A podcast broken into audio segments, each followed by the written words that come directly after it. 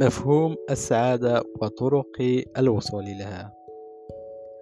الحياة فيها كثير من لحظات السعادة وفيها أيضا الكثير من لحظات الحزن والأسى فالصعوبات اليومية والضغوطات والفقر والحروب والمرض والبطالة وانعدام الثقة وقلة الحيلة جميعها تحول حياتنا لجحيم لا يطاق.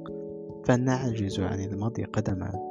وبما أننا خليفة الله على الأرض كان لا بد من أن نتحدى كل الظروف ونسعى بإخلاص لتحويل لحظات الحزن إلى لحظات السعادة وبهجة اليوم سنتحدث عزيزي عن ماهية السعادة الحقيقية وسنقوم أو سنقدم أهم المعلومات المتعلقة بها ما هي السعادة إذن؟ غالبا ما يرتبط مفهوم السعادة بمشاعر الرضا وراحة البال حيث يلجأ إليه الإنسان ليبتعد عن مثيرات العالم الخارجي من حروب وكوارث وقتل وجرائم. فالسعادة إذن هي إحساس وشعور من غير الممكن رؤيته ولمسه بل يظهر على تصرفات الشخص بشكل واضح فيشعر بها كل من حوله. تعريف السعادة. من الصعب جدا أن نتوصل إلى تعريف موحد للسعادة فهي تختلف باختلاف الأشخاص والمجتمعات والمعتقدات والثقافات لكن تمكن البعض من صياغة بعض التعريفات التي تلخص مفهوم السعادة وهي في أقوال الفلاسفة عن السعادة. فمثلا أفلاطون يقول أن السعادة هي عبارة عن فضائل الأخلاق والنفس كالحكمة والشجاعة والعدالة والعفة فسعادة الفرد لا تكتمل إلا بما مآل روحه إلى العالم الآخر. أما أرسطو فهو يقول بأن السعادة هي هبة من الله تعالى وقسمها إلى خمسة أبعاد وهي الصحة البدنية والحصول على الثروة وحسن تدبيرها واستثمارها وتحقيق الأهداف والنجاحات العملية. وسلامة العقل والعقيدة والسمعة الحسنة والسيرة الطيبة بين الناس.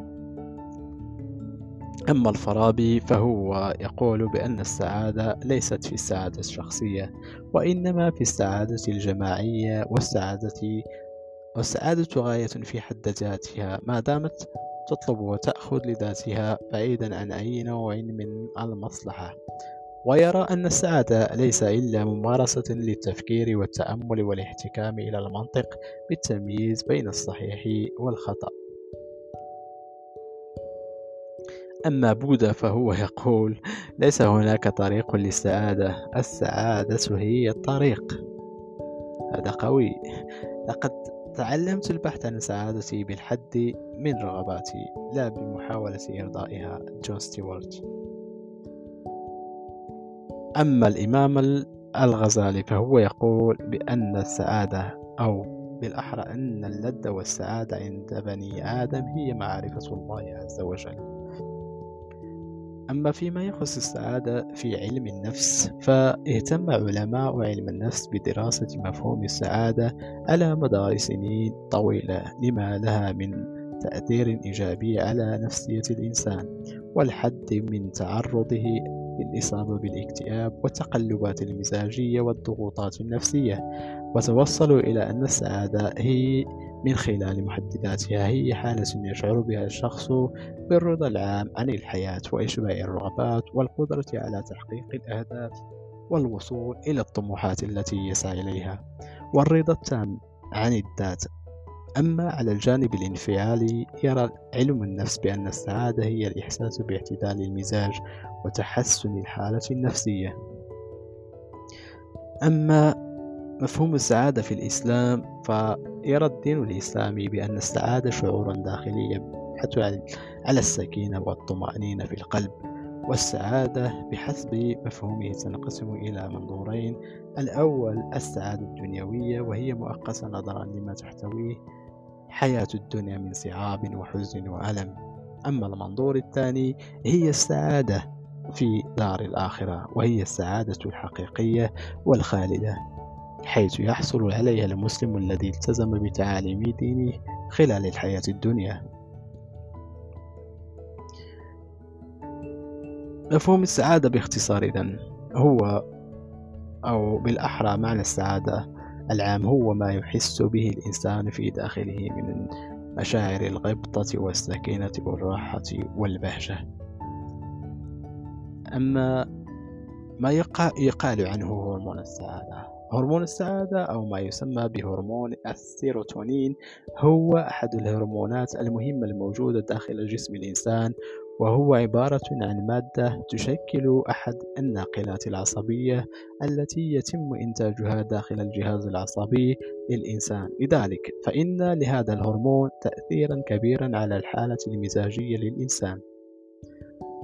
بعض هنا هنا سوف أقدم لكم بعض الأطعمة التي تساعد في تقوية هذا الهرمون. هرمون السيتورونين الفاكهة وبشكل خاص الأناناس الموز الكيوي والجوز. الأطعمة التي تحتوي على البروتين كاللحوم والدجاج والكبدة. الأسماك وبشكل خاص السلمون. الشوكولاتة السوداء الأطعمة الغنية بالصويا. البقوليات كالعدس والبازلاء القمح والحبوب الكاملة. السؤال إذن كيف تعيش حياة سعيدة وهانئة؟ يبحث الناس خلال حياتهم في كل مكان عن السعادة والفرح في مخت... بمختلف الطرق وآلية البحث فبعضهم يصل إليها بسرعة والبعض يستغرق وقتا طويلا ليصل إليها وهناك من يعجز عن الشعور بها ولحسن الحظ تمكن خبراء علم النفس من وضع بعض الطرق التي من شأنها أن تساعد الجميع في عيش حياة سعيدة وهانئة. أولا تقوية الروابط الإيمانية مع الله تعالى.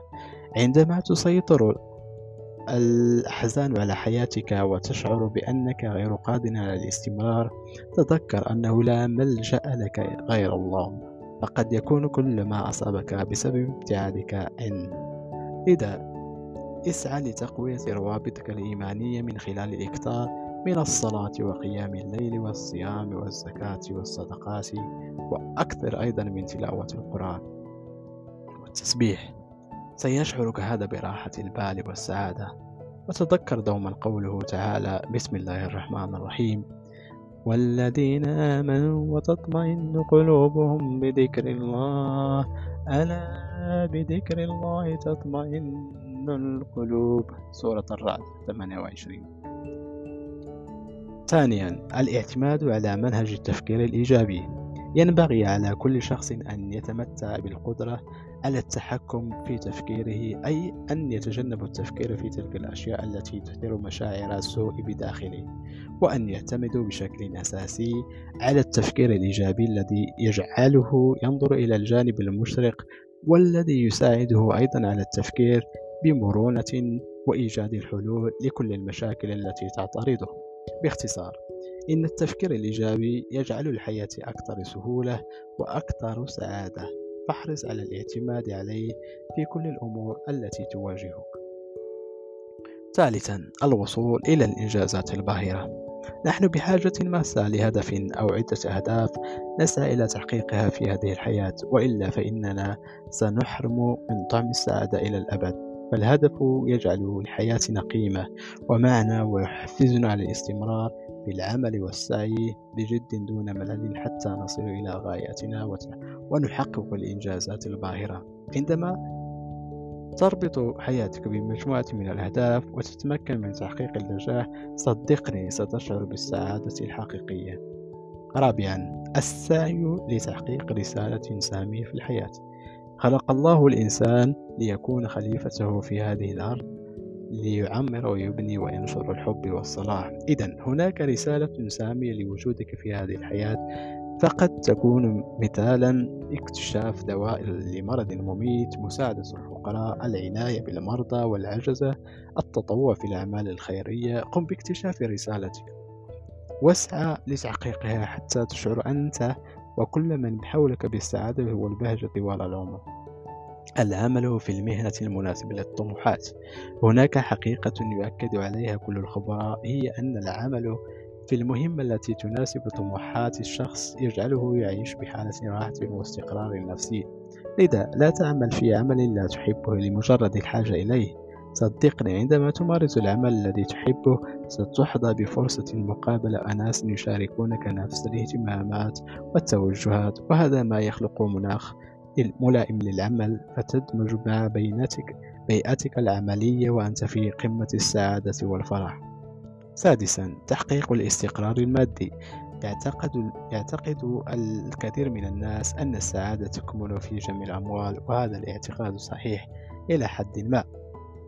حيث يساعد تحقيق الاستقرار المادي على ضمان المستقبل وحماية الشخص من التأثر بأي انتكاسات اقتصادية قد يتعرض لها العالم وهذا ما يخلق بداخله شعورا بالأمان والسعادة فضلا على أن المال يساعد على إشباع الرغبات وشراء كل ما يتمناه المرء وعيش حياة تعمها الرفاهية ما يسهم بدرجة كبيرة للشعور بالبهجة والسعادة. سابعا تكوين علاقات صداقة متينة. وجود الأصدقاء بجانب الشخص هو سر من أسرار السعادة الحقيقية في هذه الحياة. فالإنسان لا يستطيع أن يعيش بمنعزل عن محيطه والوحدة تسبب له الكآبة والتشاؤم. لذلك إن وجود الأصدقاء من حوله يخفف عنه هذا ويشعره بالبهجة والسرور. لذا يجب أن تسعى لتكوين علاقات صداقة متينة والخروج مع أصدقائك المقربين في نزهات والسفر برفقتهم إلى الخارج وممارسة الأنشطة الترفيهية معهم. العناية بالمظهر الخارجي هذا ثامنا. يؤثر المظهر الخارجي على حالة النفسية العامة بشكل كبير ولذلك أصبح الأطباء يوصون بالمرضى الذين يعانون من الاكتئاب بضرورة العناية بمظهرهم الخارجي من خلال اختيار تسريحة شعر جديدة شراء ملابس التي تواكب الموضة. وضع مساحيق التجميل بالنسبة للنساء الاهتمام بنضارة البشرة التزين بالحلي والإكسسوارات. كل هذه الأمور ستجعل الشخص يبدو في غاية الجمال وهذا ما يشعره بالسعادة والرضا والثقة شكرا لكم.